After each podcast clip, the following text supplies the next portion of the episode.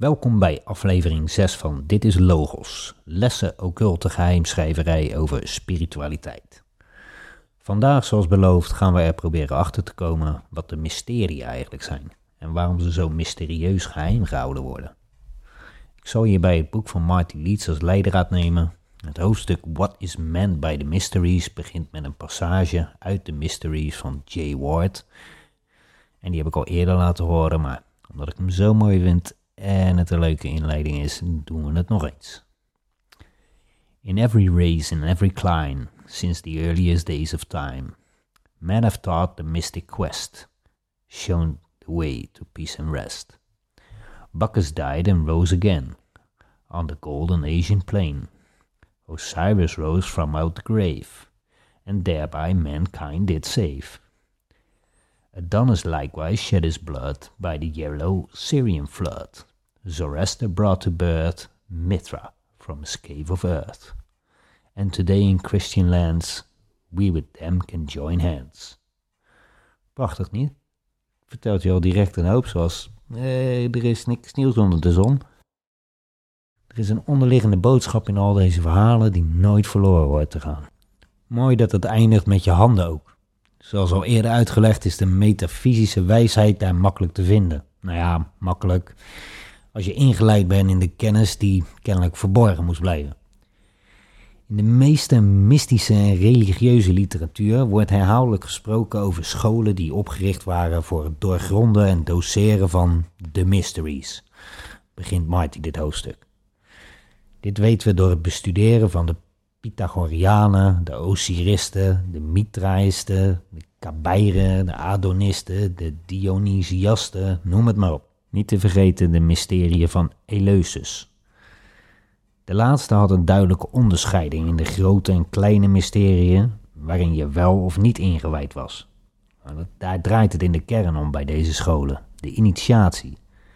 Traditioneel werden de mysterieën overgebracht via mythes en legendes, parabolen, allegorieën, kunst, drama, rituelen.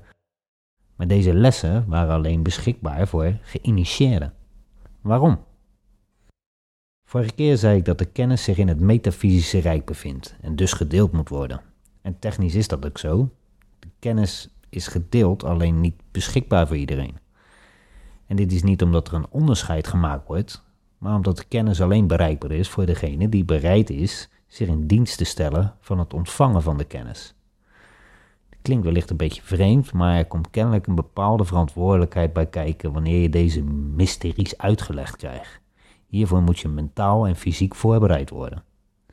En ook al is kennis van iedereen, er zijn er maar weinigen die ook maar het kleinste beetje moeite doen om tot een hogere wijsheid te komen. Of beginnen te onderzoeken wat het leven nu eigenlijk is en wat hun plaats daarin is. De meeste mensen zijn opgeslokt door hun dagelijkse bezigheden en vragen zich nooit af of er nu zoiets als een schepper zou bestaan. Het is zelfs zo dat wanneer een hogere waarheid zich aan zou dienen, zij het zouden afdoen als onbelangrijk en er geen aandacht of moeite in zou willen steken. Of het wordt verworpen als belachelijk of zelfs als satanische sectepraat beschouwd. Mensen hebben een vrije wil en voor heel veel uiteenlopende redenen kiezen mensen er bewust voor om niet uit te zoeken wat hun reden van bestaan is. Daarom zijn de mysterieën ook niet verborgen door mystery schools en geheime genootschappen, omdat ze zo geheim moeten blijven, maar voornamelijk omdat een wereld vol verloren zielen de waarheid niet wil vinden. Tja, dan wordt iets snel occult en mysterieus. Niet omdat het moet, maar omdat het kan. En als we kijken naar wat er in de Bijbel staat over de handel en wandel van Jezus Christus, blijkt dat hij zijn select groepje geïnitieerde volgers en degene die oren heeft om te horen en de ogen om te zien, ofwel de wil om onbevooroordeeld te leren en te begrijpen, zijn kennis verschafte en zoals duidelijk staat vermeld, in voornamelijk parabolen. Exact hoe de mystery schools ook hun kennis overdragen dus.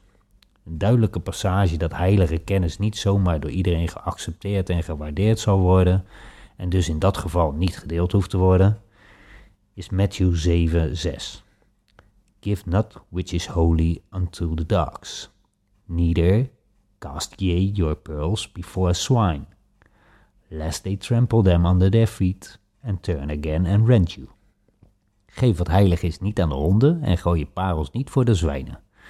Die zouden met hun poten vertrappen en zich dan omkeren en jullie verscheuren. Het wordt je allemaal verteld. Maar heb je ook de oren om te luisteren en de ogen om te zien? Het vergelijken van Jezus met de zon wordt al snel door vele geloofsfanatici bestempeld als pagan of heidens. Feit is dat de verhalen nauw overeenkomen met de zonnecyclus. En dat is ook niet zo vreemd, aangezien de oude geschriften veelal verhalen en mythes baseerden op de patronen van de hemellichamen. Hoeveel vergelijking je ook kunt maken tussen Jezus en de zon of de talrijke overeenkomsten met zonnegoden in andere culturen of religies, het feit dat Jezus een historische figuur moet zijn geweest, staat voor iedereen als een paal boven water. Om te zeggen dat Lord Jesus Christ een antropomorfische mythologisch archetype is van de zon, die een belichaming is van de wil, het licht en de wetten van de schepper van deze realiteit, is een belediging van hun vaak levenslange geloofsovertuiging. Dit is ook niet zo raar, want zo wordt het geleerd vanuit de grootste kerk in Rome tot aan het kleinste kapelletje in Lutjebroek. Hetzelfde verhaal over de fysieke man uit Nazareth wordt herhaaldelijk geleerd en gepredikt met zijn maagdelijke moeder Maria en eventueel de tweede terugkeer op aarde. Maar juist de correlatie tussen de verhalen en de hemel boven ons vertellen veel diepere waarheden. De reden dat deze patronen, posities en bewegingen van de hemellichamen in verhalen en mythes werden opgenomen, was om de lezer een gevoel van verbinding te geven met dingen uit het alledaags leven, waardoor het niet alleen vertrouwd voelde, maar ook een tijdloosheid aan het document gaf. En die sterrenhemel, met die patronen die duizenden jaren teruggaan en zich steeds herhalen, is dat eigenlijk wel mogelijk als je op een aardkluitje door de eindeloze ruimte stiert, zoals de huidige zogezegde wetenschap je probeert wijs te maken. Het laat toch zien dat wij op een plek zijn die gefixeerd is. Polaris is het centrum van de roterende sterrenhemel. Volgens Wikipedia lijkt het alsof de sterren daaromheen draaien. In werkelijkheid draaien ze altijd al hierom en zullen ze dit ook altijd blijven doen. Dit plaatje geeft ook exact alle verhalen weer waar we het over gaan hebben. Het verslaan van Draco, om het absolute centrum te bereiken. Draco is het grootste sterrenlichaam en roteert om Polaris. De sterrenhemel is voor ons het metafysische rijk. Ook al lijkt het of we via films en prachtige plaatjes allemaal wel in de ruimte zijn geweest. Het is het onbereikbare, het oneindige, het ontastbare, zeg maar. Buiten het fysieke bereik. En dat is eigenlijk net zoals wiskunde. Beide zijn ze metafysisch. En wat blijkt, beide zitten vol met geometrische principes en het is de basis van onze tijdswaarneming. De patronen en cyclussen, de logos van de zon en de maan en de andere hemellichamen hebben een grote invloed op ons menselijk bestaan. Dit fysieke bestaan is trouwens in verhouding tot die cyclussen in de hemel van hele korte duur. Er is wederom niets nieuws onder de zon. Het leven van ons is een kleine korte cyclus zoals we het nu beseffen. Maar kijk eens naar de zon. Die gaat elke dag dood om s ochtends weer tot leven te komen. En dan heeft hij ook nog een jaarlijkse cyclus waarbij hij even drie dagen een soort van vakantie neemt. Alles is een continue stroom van energie. Het sterven van het lichaam is geen einde. Zelfs niet voor de materie, want deze wordt in welke vorm dan ook weer hergebruikt door het systeem waarin we fysiek leven. Zo ook in het metafysische rijk. Maar als materie allemaal gerecycled wordt, wat doet de ziel dan? En daarin nodigen de oude geschriften je uit door verhalen van universele wijsheden te verschaffen en die te verpakken in metafysische wetenschappen, zoals de logos van de sterren. Zou de nieuwsgierige zoeker en geïnitieerde vragen gaan stellen over zijn eigen sterfelijkheid of onsterfelijkheid en de tijdloosheid van energie, de ziel, het licht dat altijd in alles aanwezig is, ongeacht hoe het ook in de geschiedenis werd uitgelegd en door wie? Welkom in de mysterieën. Wat zorgt er nu voor dat materie zich gaat delen en daarna zich onderhevig aan een bepaalde codering zich uit als een organisme dat zichzelf weer voortplant? Of dat nu door kruising of zelfbestuiving of wat dan ook gebeurt. Er is een systeem dat zichzelf in stand houdt en dat functioneert onder invloed van bepaalde metafysische constanten die wij natuurwetten noemen. Deze wetten gelden voor alles en iedereen, zowel op aarde als in de sterrenhemel. En dan heb ik het niet over de theoretische wetten, zoals de evolutietheorie van Darwin. Theorieën worden altijd ingehaald door de tijd en Darwin dacht dat de genen zich at random konden muteren en zo evolutie mogelijk was. Inmiddels is bekend dat bepaalde genen beschermd zijn tegen mutatie en dat er dus een broncode van vaste genen is die een bepaalde ras of soort in stand houden. Maar waar komt deze broncode dan vandaan? We hebben het over theorema, zoals in de wiskunde, een stelling zoals die van Pythagoras, een metafysische wetenschap die altijd heeft gegolden, nu geldt en altijd zal gelden. Dit zijn ook de zeven hermetische principes die sinds de oudheid de basis geven aan het mysticisme en het occultisme. Het eerste principe is al is mental. Hieruit wordt afgeleid dat alles wat in het fysieke rijk bestaat, zijn oorsprong heeft in het metafysische. Als we naar de huidige wetenschap kijken, met name de kwantumfysica, bestaat er ook zoiets als deeltjesverstrengeling. Dit bewijst een verbinding tussen alles, maar deze verbinding is ook tijdloos. Dus er is een connectie die zich zonder een fysieke verbinding en op exact hetzelfde moment te meten is. In het metafysische rijk dus, zoals Hermes Mercurius Trismegistus duizenden jaren geleden al meldde. De basisregels van die gelden voor alles in onze realiteit en zijn er gegeven en daar is tot nu toe nog niets aan ontsnapt. De kennis van deze basiswetten en de methodes om deze wetten in te zetten om een bepaald doel te bereiken, is van onschatbare waarde natuurlijk. Maar de natuur kent geen verschil tussen goed en slecht. Het functioneert gewoon naar zijn wetten. En het is moeilijk te accepteren, maar er zijn mensen die niets liever zien dan deze aarde tot aan de bodem wordt afgebrand. En alle duisternis die ze kunnen mogelijk zullen aanwenden om het ondoofbare licht te doven. Natuurlijk zijn er ook beschermengelen van deze kennis. Er zijn helaas ook erg slechte individuen die deze kennis aanwenden om juist de keerzijde van de harmonieuze natuur te verwezenlijken. Er zijn mensen die hun vrije wil opgeven en hun leven in dienst stellen van de duivel. Nu moet je deze natuurlijk ook niet zien als een geit met penis en tieten, maar als de belichaming van al het slechte, het stelen van de waarheid, door middel van kleine, maar ook grote leugens. Oplichting, corruptie, verraad, moord, diefstal, zeg maar de zeven zonden. Maar waar het eigenlijk allemaal op neerkomt volgens Mark Passio, een vroegere satanist, is het altijd diefstal van de waarheid of iemands lichamelijke integriteit. En het toebrengen van angst is het ontnemen van liefde. Het is omgaan met de energieën die natuurlijk voorkomen en die een grote invloed hebben op onze realiteit. Het is misschien voor veel mensen niet meer zo belangrijk, maar de waarheid en de leugen zijn van essentieel belang in deze wetenschap. Wanneer je in een complete leugen leeft en alles is anders als dat het in werkelijkheid is, dan is de waarheid bijna onzichtbaar geworden. En zullen maar heel weinig mensen te weten komen hoe het nu eigenlijk echt allemaal werkt. Ze verdraaien de waarheid al ja, sinds dat wij het kunnen teruglezen. Inmiddels leeft bijna iedereen in de gehele wereld niet meer in balans met de natuur en is de kennis over hoe de natuur werkt een goedkoop aftreksel gebaseerd op materiële wetenschap. Die nu pas weer gaat aantonen met kwantumfysica dat alles één geheel is. De mysteries komen weer tot leven en de apocalyps, ofwel de ontsluiering, is in volle gang. Veel mensen krijgen een verlangen naar een bepaalde spiritualiteit, een connectie met de bron. Het is alsof de natuur compenseert voor alle negatieve energie. Maar ook dit zijn natuurlijke principes. Omdat alles uit tegenstelling bestaat, is een golvende beweging met ups en downs de manier hoe energie zich voortbeweegt. Zoals een slang, zeg maar. Als die zo strak als een plank op de grond zou liggen, kwam hij geen kant op.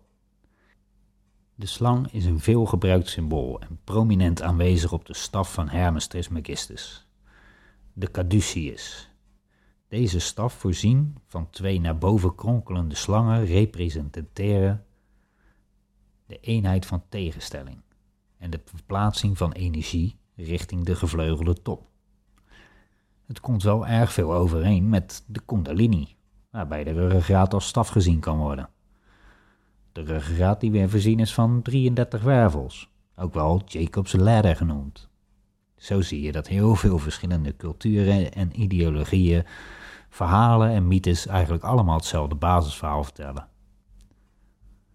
Je bent in het bezit van een fantastisch biochemisch elektromagnetisch systeem met ongekende mogelijkheden.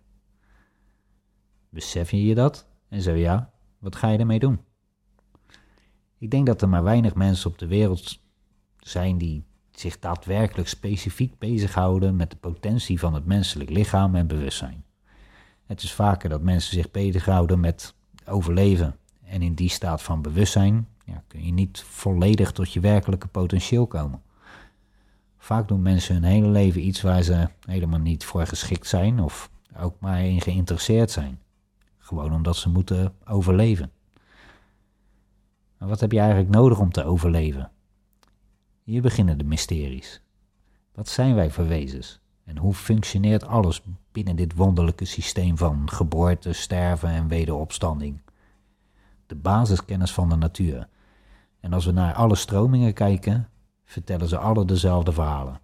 Alleen verpakt in hun eigen mythologie en cultuurkarakteristieken. Meestal word je vergruist als je Jezus als een zonnegod weergeeft, ook al is hij de zoon, zon, sun, san van God. Maar laat ik een paar voorbeelden geven. Henry Purtle zegt erover in The Kentucky Monitor: In de gehele antiquiteit werd geloofd in een verlosser of een mediator, bij welke het kwade principe moest worden overwonnen, waardoor de hoogste godheid vergiffenis zou schenken aan zijn schepsels. De algemene gedachte was dat hij geboren moest worden vanuit een maagd en een pijnlijke dood moest sterven. De Hindoes noemen hem Krishna, de Chinezen Kyun-tse, de Perzen Sosjoch, de Scandinaviërs Balder, de christenen Jezus en de vrijmetselaars Hiram. Dat zijn er al heel wat, maar om het nog duidelijker te maken, nog wat verhalen om te vergelijken. Alhoewel de legendes variëren, was er in de vierde eeuw voor Christus een verhaal over Attis. De goden van Olympus zouden afgehakte geslachtsdelen van demonen in de nederwereld werpen en van deze groeide een amandelboom. Nana, de moeder van Attis, zou de rijpe amandel op haar boezem gelegd hebben, waarna deze erin wegzakte en zij zwanger was van Attis. Attis was een herdergod, met vaak zonnestralen achter zijn hoofd afgebeeld. De dood van Osiris vertelt hoe hij was vermoord en in veertien stukken gehakt. Van een van de delen maakte Isis een gouden vallus, waarmee ze zichzelf met de geest van Osiris bevruchtte. Hieruit voort kwam Horus, dat onze uren, hours en horoscopen zijn naam danken aan deze god, maakt wel duidelijk dat het een archetype voor de zon is, van waaruit wij onze tijd meten.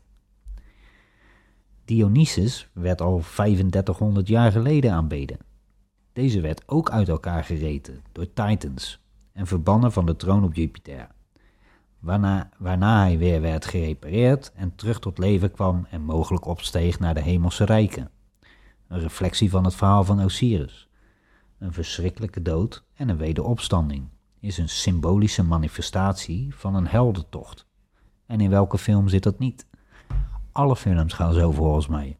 Het is het tijdloze verhaal wat al millennia lang verteld wordt. Hetzelfde geldt voor de verhalen uit Syrië over Tammuz en de Fonetische god Adonis en Attis en Jezus, allemaal herdergoden, ontstaan uit de onbevlekte geboorte, waarna een lijdensweg vol volharding resulteerde in een wederopstanding uit de dood. Hetzelfde geldt voor Boeddha. Zijn moeder Maya raakte bezwangerd nadat zij in een leverende droom naar het Anatotta-meer in de Himalaya werd gebracht waarna een olifant met een witte lotusbloem haar driemaal omcirkelde en binnendrong via haar rechterzijde. Zo werd zij zwanger van Siddhartha Gautama, die na zijn dood tot Boeddha vernoemd zou worden.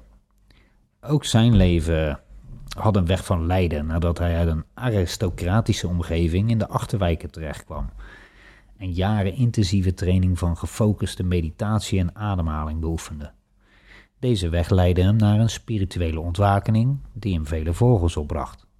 Het pad van ontbering. Ook van Pythagoras werd gezegd dat hij onbevlekt geboren was en een pijnlijke dood stierf. Zijn moeder zou een ontmoeting hebben gehad met de geest van Apollo, ofwel de god Sol, de zonnegod. Zelfs in de verhalen van de Ojibwe-Indianen vinden we een Jesus, met een G-E-E-S-I-S. Deze moeder zou op een zonnige dag door de wind zijn bezwangerd.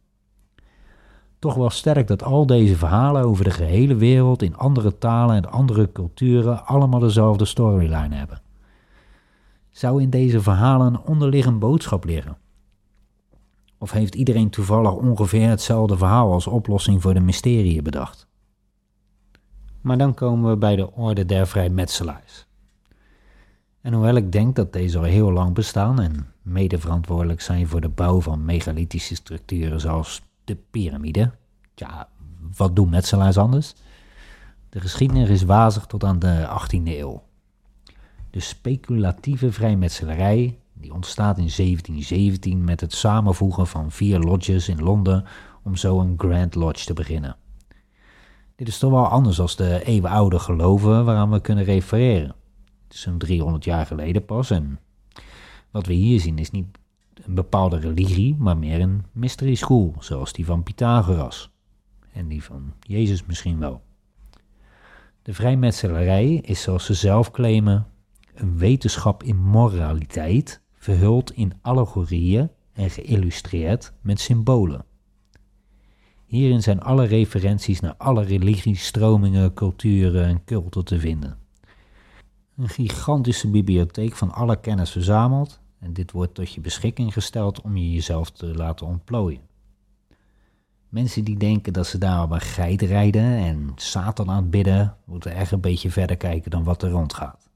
De hele boel kan net als de rest van de wereld compleet corrupt zijn. Maar het instituut op zich is bewonderenswaardig en eigenlijk de enige goede link naar alle oude kennis. Niet geheel ontoevallig is een symbool of insigne dan ook exact in lijn met de basiswetenschappen, zoals eerder uitgelegd. Het lijkt eigenlijk wel te veel op een B-film zo, hè? Ik had dit nooit in mijn stoutste dromen kunnen verzinnen. Dan Brown, eat your heart out. De vrijmetselaars die met hun logo een code beschermen waarmee je de eerste Bijbel kunt ontcijferen. Deze onthult dan weer allemaal geometrische principes die Pythagoras in zijn mystery schools overdroeg afkomstig van de Phoeniciërs en daarvoor alle stromingen van de Egyptenaren naar de Chinezen tot aan de Vikingen en de Maya's, allemaal vertellen ze hier over deze basis natuurkennis. Het is Dan Brown's lost symbol, maar dan echt en nog mysterieuzer. Ook hebben ze het in alle scheppingsverhalen over een woord. Zoals God het licht in werkelijkheid sprak, komt dat ook overeen met andere culturen.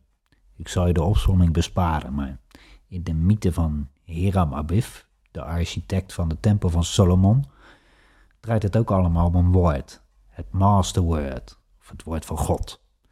Dit wordt afgedwongen door drie Riffians, ofwel de Jews. Hun namen zijn Jubelo, Jubela en Jubelum. Een hele duidelijke referentie naar slechte joden die het woord af wilden pakken zonder daar recht of toestemming voor te hebben. Deze ruffians steken en slaan hem dood, maar hij weet één letter achter te houden. Toen ze hem terugvonden was alleen de letter G er nog. De zoektocht naar het masterword is symbolisch voor de ontwikkeling die een Mason moet doormaken om zijn karnale zelf te ontstijgen. Alle elementen zijn dus weer aanwezig en worden zelfs nagespeeld in de initiatie om als Hiram Abiff een gewelddadige dood te sterven om daarna te herreizen als geïnitieerd of gepromoveerd. Het opbiechten van een leugen is ook zo'n proces. Je gaat dood als je moet vertellen dat je iets geflikt hebt. Maar je komt er wijzer uit. En zelfs in deze tijden zien we het, de rising of the phoenix, orde uit chaos. Er moet een gewelddadige dood gestorven worden om een nieuw te begin te maken. Ik sta niet achter het Build Back Better verhaal, dat moet je echt niet denken, maar Kennelijk weten die mensen dat het een onvermijdelijk proces is en ze willen het proces kapen. Zo simpel is het. De eenheid der tegenstellingen die continu aanwezig moet zijn.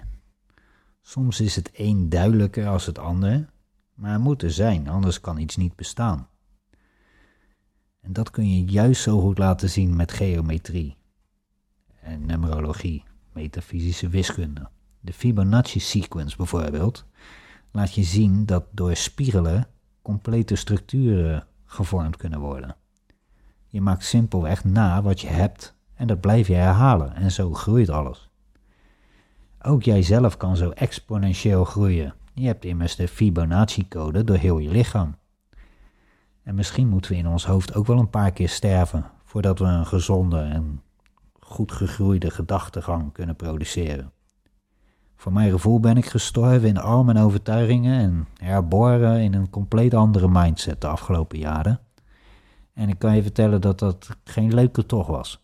Alles wat je vertrouwt, loslaten en je hart volgen, compleet afgesloten worden door dierbaren en vrienden, geen contact meer kunnen hebben door compleet afwijkende visies. Het is de wappiewee van nu en gelukkig hebben steeds meer mensen de moed om die te bewandelen. Dit is naar mijn idee de eindtijd waarin het beest verslagen moet worden en de keuze is er. Sta je daar in je harnas van waarheid en trotseer je de draak? Weet wel dat alleen de zuiverste ridders hun doel bereiken. En dat is wellicht niet zo tof om te horen. Wie is er echt puur en zuiver? Ik zondag elke dag. En vind ik niet tof en ik probeer in ieder geval zo min mogelijk onnatuurlijke dingen te doen. Zoals lieren, waarvan ik denk dat het een van de grootste zondes van de mensheid is. Maar het besef dat de natuur op eigen gebied onvermiddelijk is, is een van de grootste mysteries. Karma is daar een goed voorbeeld van. Een beetje mysterieus, maar als je je liegt, bezorg je jezelf een probleem sowieso. Want door is de leugen nog zo snel, de waarheid achterhaalt hem wel. Bam, karma. Maar ook de energie van binnen. Als het goed is, weet niemand dat je liegt en ben je dus de enige ter wereld die met dit probleem rondloopt. Angst en negatieve gevoelens kunnen een direct effect hebben op je gehele systeem. Zo is karma eigenlijk simpel te verklaren. Het is vragen om problemen. Of niet. Houd je je aan de natuurlijke moraliteit, dan leef je een fijn en onbezorgd leven, denk ik. De law of attraction. Kennelijk heeft energie magnetisme. En dat is ook wel logisch in een elektromagnetisch systeem. Ik heb wel eens iemand op YouTube gezien die de energievelden van een magneet in beeld bracht. Met een zelfgecreëerde wijze om energiestromingen te observeren. Zou je niet verbazen dat ook magnetisme heel anders werkt dan ons wordt voorgespiegeld. Ik zou het heel tof vinden om daar ook eens een keer wat over te behandelen en te laten zien. Misschien in de toekomst. Het punt is dat met een eenheid van tegenstelling je dus altijd een plus en een min hebt. Als de cellen of energievelden een gelijke coderingsstructuur hebben, hechten ze in elkaar. Met alle andere coderingen is geen koppeling mogelijk. Dit is hoe materie zich afscheidt van andere materie. Dat is magnetisme tussen onderlinge celtypes die hetzelfde zijn. Tesla heeft wel eens naar voren doen komen dat magnetisme Einstein's relativiteitstheorie onderuit haalt of iets in die bewoording. ik kon de quote niet meer vinden, helaas. Maar laten we bij het mysticisme blijven.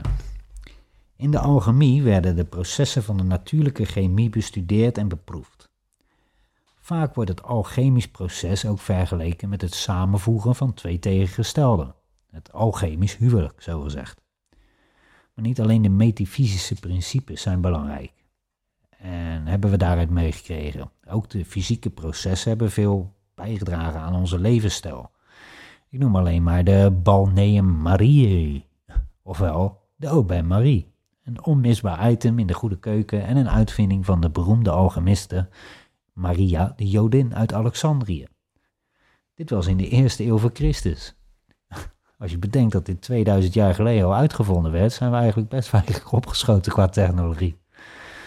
De beste tech vind je in de kern van de natuur. Maak daar gebruik van en je hebt optimaal resultaat.